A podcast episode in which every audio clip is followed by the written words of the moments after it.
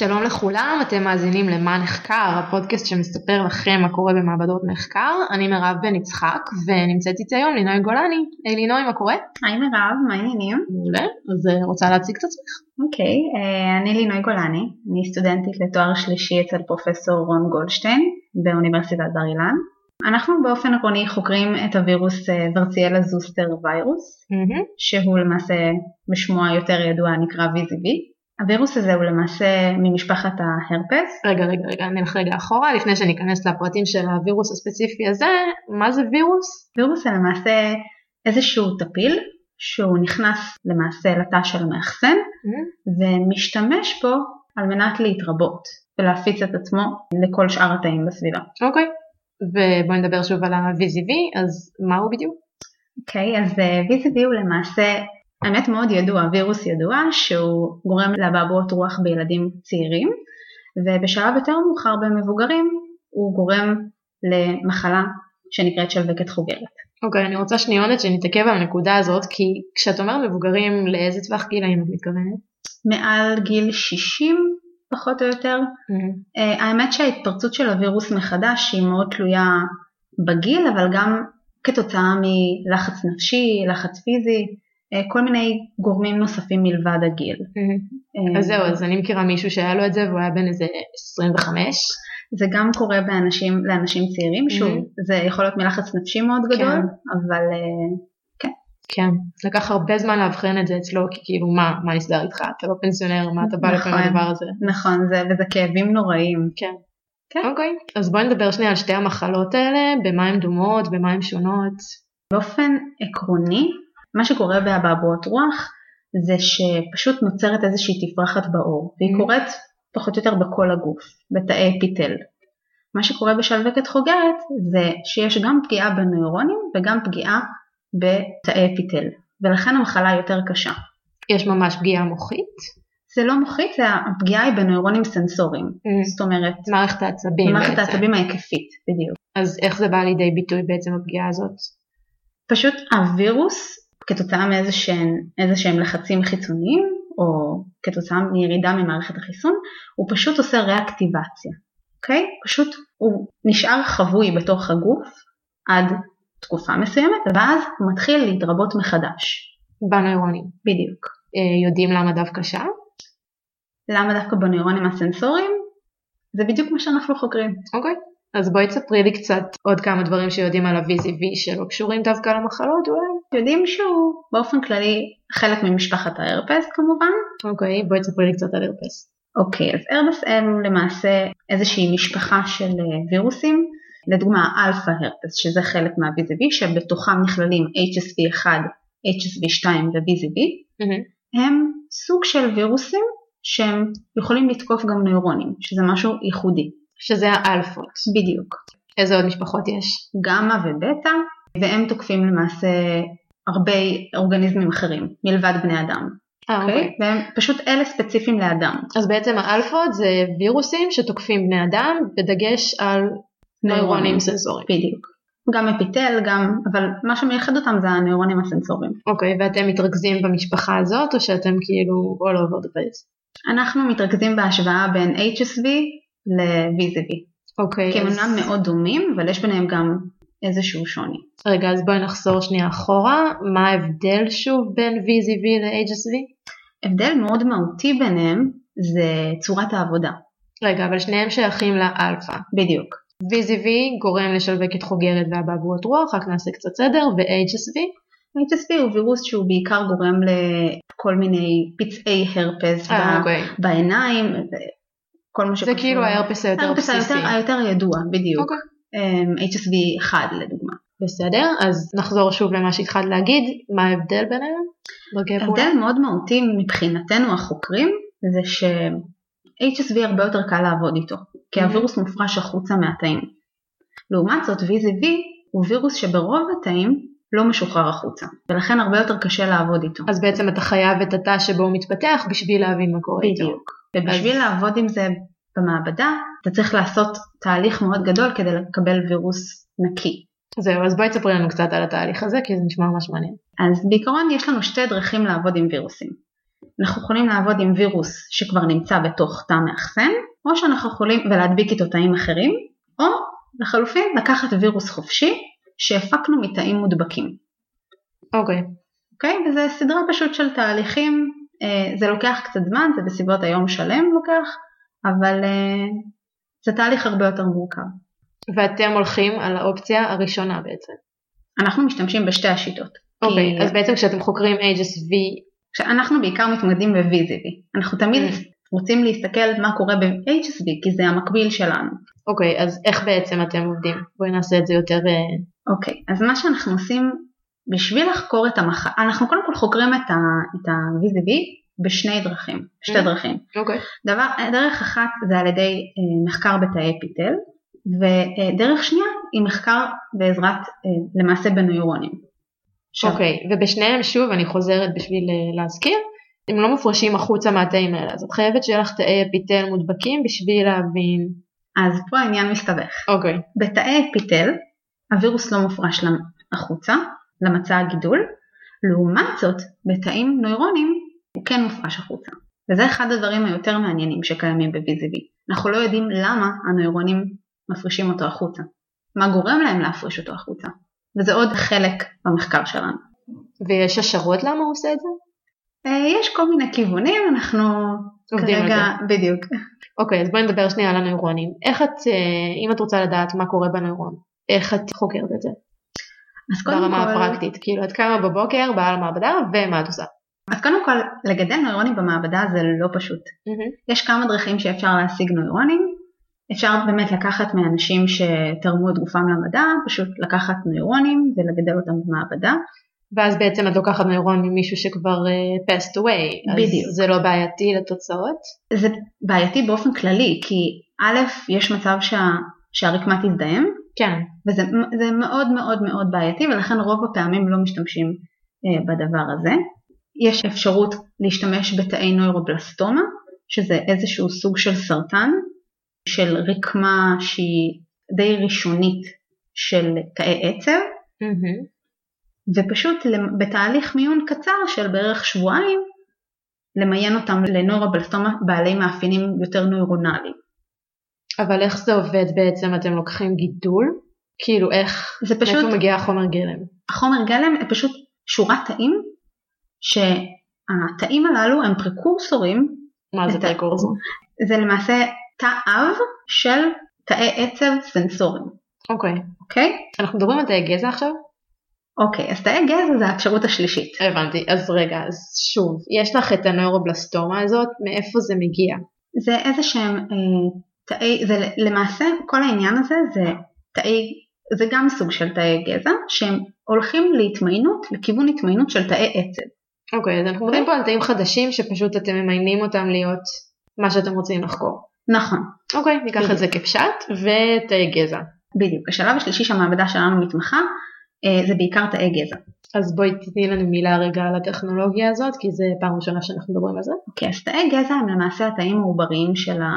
למעשה של התינוק, mm-hmm. שנוצר. זה התאים הראשונים שנוצרים בעצם. בדיוק, והם יכולים להתמיין לכל סוג של תא. לציפורן, עצב, שריר, להכל, אוקיי? אה, ואנחנו פשוט משתמשים בתאי גזע האלו, ובתהליך מאוד ארוך של בערך חודש, אנחנו הופכים את התא, את התא גזע הזה לנוירונים סנסוריים, שעליהם אנחנו חוקרים את ה-VZV. טוב, אז הבנו איך מקבלים תאים שאפשר לחקור עליהם את הנושא הזה, שאני חוזרת ואומרת, הוא שווקת חוגרת, ועכשיו אני רוצה שניקח קצת הפסקה מהפרטים הטכניים לכאורה, ונדבר שנייה על למה בעצם חשוב לחקור את זה. תראי, למעשה כיום יש חיסון, זאת אומרת יש חיסון לאבעבועות, ל-VZV, אוקיי? אוקיי. לאבעבועות רוח, שקורה בש, בשלב, למעשה באנשים צעירים, וגם לשלווקת חוגרת. רגע, אבל כמה צעירים? כי רובנו מכירים את האבעבועות רוח, המחלה הזאת שחטפנו בגן ולכולם נכון, היה אותה. זה בדיוק מה... אז כמה צעיר אתה צריך להיות בשביל לקבל את זה נגיד גיל שנתיים, שלוש? אני לא כל כך בטוחה לגבי הגיל okay. אוקיי. שמקבלים היום, אבל זה משהו שנכנס, זאת אומרת, לרוטינה של חלק מהחיסונים שהם מקבלים. אה, אוקיי. אם כי חשוב לציין שעצם זה שהיה לך אבעבועות רוח, זה מחסן אותך יותר טוב מאשר אם היית מקבלת חיסון. אוקיי. אוקיי? זה מחסן אותך יותר טוב לשלווקת חוגרת. איזה שהם מחקרים סטטיסטיים שעשו בנושא. אבל אה, באופן כללי, זה שקיבלת חיסון נגד VZV לא אומר שלמעשה ב-100% לא יהיה לך שלבקת חוגרת. יש עדיין סיכוי של 60% שהווירוס יעשה מה שנקרא ריאקטיבציה. רגע, אז בעצם נסביר שנייה מה זה חיסון ברבע מילה, זה בעצם מתן של מנה מוחלשת של הווירוס שעושה את המחלה בשביל שהגוף ידע להתמודד איתו מתוך שאיפה שהגוף ידע להתמודד גם במידה והווירוס האמיתי והחזק כמו שהוא ב wild type יגיע. בדיוק, זה פשוט שהגוף ייצר נוגדנים mm-hmm. שבמידה והווירוס האמיתי יגיע זה פשוט הוא ידע להתמודד איתו. להתמודד איתו. אוקיי, אז יש חיסון נגד הווירוס הזה שעושה שלבקת חוגרת וגם אבעבועות רוח.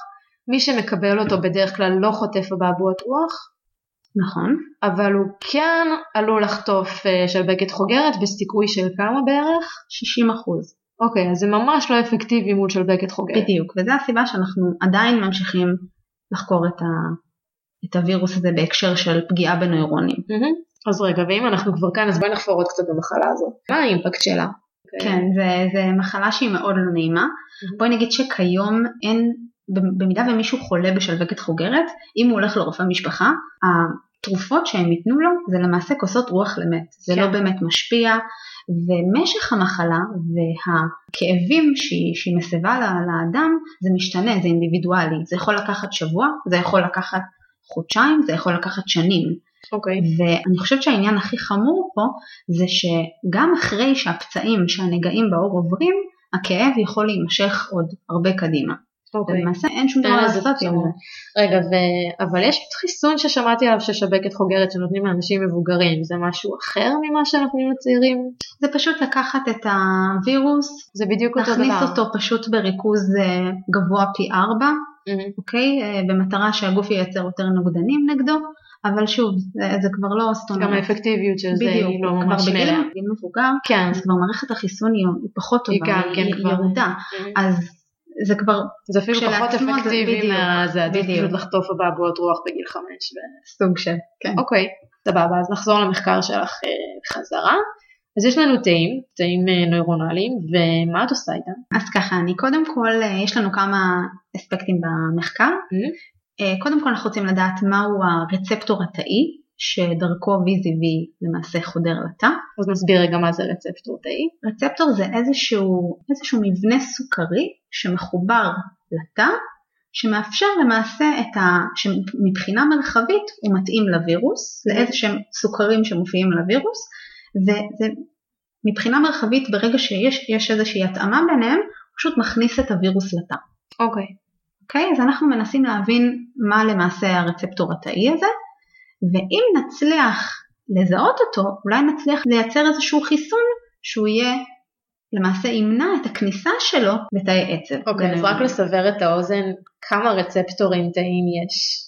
פלוס. יש המון, אני לא, זה ממש אה, מספר מאוד גדול. יש שם המון, ואנחנו רוצים לדעת איזה מהם הוא זה שפותח את הדלת בעצם לווירוס. בדיוק. אוקיי, אז איך מגלים?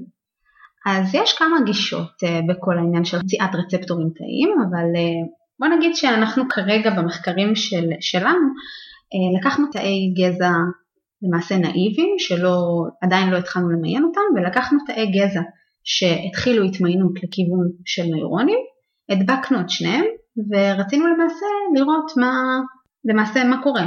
אוקיי. וראינו שרק התאים שהתחילו להתמיין לכיוון אה, תאים נוירונליים למעשה הודבקו בווירוס. וזה מאוד, היה ממצא מאוד מעניין כי התאים, תאי הגזע הרגילים, לא ראינו שם הדבקה. אז כנראה שהרצפטור הזה מתפתח באיזשהו שלב בהתמיינות. בדיוק. אז מה שרצינו לעשות זה לראות את החלבונים, את הרצפטורים בתאי הגזע, ולהשוות את זה לרצפטורים שנמצאים בתאי הגזע שהתחילו התמיינות. אוקיי. והשווינו, וקיבלנו למעשה רשימה של אה, רצפטורים. רגע, איך ההשוואה הזאת נעשית? אה, זה פשוט באמצעות כל מיני אה, מודלים אה, ביואינפורמטיים, אה, זה עשיתם ריצוף של כל החלבונים. בדיוק, עשינו RNA שם? sequencing, זה, זה למעשה לקחת את כל הביטוי של החלבונים וכל מה שקשור בזה, השווינו את הנתונים בסוג תא הזה לעומת הסוג תא הזה. אז בעצם התוצר שלכם של ה-RNA sequencing ובכלל זה רשימה של חלבונים שהתבטאו בכל אחד מהסוגי תאים, אם אני מבינה נכון? בדיוק, השוויתם בין הרשימות, בדקתם מה יש כאן ואין כאן, בדיוק, והם המועמדים שלכם בדיוק, לרצפטור. נכון. אוקיי, אז מהרשימה הזאת של המועמדים המצומצמת, איך הם ממשיכים בעצם? אז זה בדיוק הפרויקט שלי, או זה השלב הבא? זה השלב הבא, בדיוק. אנחנו רוצים לקחת את, ה, את הגנים הללו ולעשות להם או השתקה, זאת אומרת להוריד את הביטוי שלהם בתאים, ואז לבדוק האם הווירוס יצליח להיכנס או לא, לעשות להם ביטוי ביתר, זאת אומרת לקחת אותם ולבטא אותם בעודף בתאים שאנחנו יודעים שהם לא יכולים להידבק ב-VZV. אוקיי, מה הרעיון בזה בעצם? זה פשוט להוכיח את, אותו, את אותה טענה בשני הכיוונים ההפוכים. אוקיי? אוקיי. לקחת תאים שבעיקרון לא נדבקים ב-VZV, ולהראות שכשיש את זה שם, אז הם אז עדיין... אני יכולה להדביק אותם בווירוס. אה, אז הם עלולים. פתאום כן להידבק. בדיוק. והפוך. את טוענת שכאילו בגלל שאין את החלבונים האלה מספיק בתאים האלה, בגלל זה הם לא נדבקים. לא או שיכול להיות שהם לא מבטאים בכלל את החלבונים האלה, Mhm. כל- כמו תאי ה-ES שראינו שהם לא מבטאים אותם. רגע, תסבירי מה זה יהיה. סליחה, תאי גזע. אוקיי. אז זה דבר אחד שאת רוצה לגלות, ואנחנו נשמח לשמוע ממך עוד איזה שנה מה יתקדם מזה. אוקיי. ומי יש עוד דברים? אה, עוד אה, נושא במחקר הוא למעשה, עד כה יש, יש איזושהי סברה שהווירוס עובר מתאי האפיטל, למעשה הוא עובר דרך תאי T. זה- רגע, אנחנו נעשה סדר בראש. תאי אפיטל זה בעצם התאים שמהם האור בדיוק. עשוי, וגם כל מיני דפנות אחרות של איברים, כמו למשל במעי יש לנו אפיטל שעוטף אותו, אז זה הסוג תאים הזה. ואת אומרת שהוא פוגש תאי T. זאת אומרת הוא מגיע, מילה על תאי T. בדיוק, הוא מגיע לדם, מהמם, בדם יש כל מיני אה, סוגים של תאים, יש תאי דם אדומים ויש תאי דם לבנים. מהמם. אז יש סברה שהוא עובר לתאי דם לבנים, כמו לדוגמה תאי T, אוקיי. ודרכם הוא מגיע לכל הנוירונים הסנסוריים. אז בעצם הוא תופס טרמפ על תאים שהם בעצם נועדו למנוע פגיעה בגוף, בשביל לפגוע בגוף. בדיוק. יפה. זה נקרא וירמיה. אוקיי. וירמיה זה מצב שבו יש וירוס בדם, בדם. בדיוק. אוקיי. אז אנחנו, אה, בשביל לחקור את העניין הזה במעבדה, אנחנו רוצים לייעל את ההדבקה של תאי T. עד עכשיו הצליחו להראות שתאי אפיטל מדביקים תאי T רק במקסימום של הדבקה של 4%. רגע, בעצם הטענה היא שבאמצעות התאי T האלה הם מגיעים לנוירונים, או שזה בכלל לא זה קשור? גם, זה גם אחת הטענות. יש כמה סברות, זה אחת מהן. אוקיי. אז איך בודקים את זה? אז למעשה אחד הדברים שאנחנו רוצים לעשות זה קודם כל לייעל את אחוז ההדבקה של תאי T. שאמרת שהוא עומד על 4%, בדיוק. מה זה אומר? זה אומר שאי אפשר לעבוד עם זה. זאת אומרת אם אנחנו ניקח תאי T שרק 4% מהם מודבקים בווירוס אה, ואנחנו אוקיי, ננסה להדביק איתם נוירונים, זה לא כל כך זה יעבוד. לא אפקטיבי, זה לא ייקח לך. הרבה זמן. בדיוק. אז אוקיי. אנחנו מנסים לייעל את התהליך במטרה לחקור את הקשר הזה בין תאי T לנוירונים, לראות האם זה באמת מתרחש. אוקיי, זה משהו שאתם עושים על חיית מודל, או שזה גם כן בתאים מבודדים? זה כל הבעיה ב-VZV. אוקיי. זה כל הקושי במחקר של VZV, כי הוא פוגע רק בתאים הומניים, ולכן המחקר על בחיות מודל אין ויבו כן. זה לא קיים. אנחנו זה- נגיד שהוא שאין ויבו זה ב- בתוך החיית מודל ואין ויטרו זה במעבדה. בדיוק. אז אוקיי. כל המחקר אין ויבו, זאת אומרת בחיות מודל הוא לא, לא אפשרי בכלל. אוקיי, אז איך בכל זאת את בודקת את זה? כי נשמע שהכיוון שלך הוא מאוד הוא מערכתי, זה לא שאת יכולה לבודד, או שאת כן יכולה וזה מה שאת עושה. אז הכיוון שהכי מדמה את מה שקורה בגוף זה למעשה לקחת נוירונים אנושיים ולגדל אותם במעבדה. אוקיי, ולהשרות אותם ביחד עם תאי T שהגברת בהם את הריאקטיביות לווירוס, בדיוק, שהצלחתי, הצלחתי ואז פשוט, שזה הכל יושב ביחד במעבדה ובעצם, אוקיי. בדיוק. וזה משהו שכבר יש עליו תוצאות או שזה עוד לא? אה, יש לנו כמה כיוונים, הצלחנו לייעל את ההדבקה לכיוון של אה, 16 אחוזים, משהו כזה. אוקיי. אה, איך מייעלים הדבקה? אז אה, זה תורה בפני עצמה. אה, זה בעיקר להגביר את המגע בין תאי T, שהם תאים שגדלים בתרחיף, זאת אומרת ב- הם לא נדבקים לאיזשהו משטח, לבין תאי אפיטל שהם כן נדבקים למשטח. אם אני אצליח לקחת את שני התאים האלה ולנסות להדביק אותם ביחד, אז ההדבקה תתרחש. אוקיי, אז ברגע שאת מגדילה את החיבור בין התאי אפיטל שמחזיקים את הווירוס מלכתחילה לבין תאי T שאת רוצה שיחזיקו את הווירוס עכשיו, בעצם לקרב אותם אחד לשני כמה שאפשר בשביל שיהיה את. העברה. בדיוק. אוקיי, וזה מצליח בינתיים. קיבלנו אחוזי הדבקה יותר גדולים, אבל אה, את יודעת, צריך אה, יותר. ואין חשש בכיוון הזה שזה גם כאילו ישכלל את הווירוס? כאילו אני לא רוצה ללכת לכיוון של אה, סרטי אימה סוג זין, אבל זה קצת נשמע ככה. אני לא חושבת שהווירוס יש לו את ה-DNA שלו, הוא מתרבה בכוחות עצמו, זה פשוט איזושהי, איזשהו שאטל שאנחנו משתמשים בו mm-hmm. בשביל להעביר אותו לנוירונים ולראות מה, מה קורה, אם okay. אוקיי. ההעברה הזאת מתאפשרת. אוקיי. Okay. יש עוד כיוונים? Uh, זה בעיקר, כמובן יש הרבה כיוונים, uh, מצאנו כל מיני מירים mRNA שזה איזה שהם RNA קצרים שכשהם מתבטאים הם מונעים הדבקה, mm. לא בדיוק מונעים אבל הם, הם מורידים את האחוז. זאת אומרת, בדיוק יש כאלה שהם מעכבים. אבל רגע, הם מונעים הדבקה של האורגניזם בווירוס או הדבקה של הווירוס לתאי T? אוקיי, okay, אז מצאנו ספציפית איזשהו מיר שכשעיכבנו אותו, למעשה ההדבקה שלנו התפשטה, היא הייתה יותר גדולה. של וירוס בתאים רגילים, בתאי אפיטל. אוקיי, okay, כלומר שכשעיכבתם את הרצף הקצר הזה של ה-RNA, אז היה פחות תאים שנדבקו בווירוס. היה יותר תאים שנדבקו. יותר, אוקיי. Okay. היה התפשטות של, ה, של הווירוס הייתה יותר גדולה. Mm-hmm. סימן שהמיר הזה הוא מעכב הדבקה. אוקיי, וכבר ביטאתם אותו ביתר או שזה... אה, ניסינו, אבל התוצאות עדיין לא היו כל כך אה, מובהקות, mm. אבל אנחנו מחפשים, ממשיכים את המחקר על זה, מחפשים אה, מועמדים חדשים. זהו, אז זה... איך, כאילו בואי נחזור שוב פעם לקטע הזה של סריקת חלבונים, אז גם בקטע של RNA, איך מצאתם את המיר הזה? שוב, בטכניקה שנקראת RNA sequencing. אה, אוקיי. פשוט פה זה קצת יותר מורכב, כי מדובר על רצפים בגודל של 20 נוקלאוטידים. 20, שזה ממש ממש קטן. זה ממש קטן, כן. אז, זה... אז בעצם הייתם צריכים לרצף הרבה הרבה יותר חומר, ואני מנחשת שגם הרשימה הייתה הרבה יותר ארוכה, כי יש הרבה גורמים כאלה בתא. בדיוק. זה היה הרבה יותר מורכב, אבל mm. הצלחנו למצוא כמה מועמדים טובים. אוקיי, אז אנחנו אופטימיים. ויש עוד תוצאות שאת יכולה לספר עליהן? זה פחות או יותר כרגע, יש לנו הרבה כיוונים, כיווני מחקר במעבדה, mm-hmm. אבל אני מניחה שברגע שיהיה נוירונים ובכמות גדולה אז uh, הרבה הרבה כיווני מחקר חדשים uh, אנחנו נוכל אוקיי. okay. להתחיל. יש עוד משהו שבא לך לספר עליו ושנסיים? זהו, סך הכל uh, תחום מחקר מאוד מעניין. ללא ספק. יש הרבה מה לחקור. אוקיי. טוב, תודה רבה לינוי, זה היה מאוד מעניין. תודה רבה למי שהאזין, אני הייתי מירב בן יצחק וזה היה עוד פרק של מה נחקר. יאללה ביי.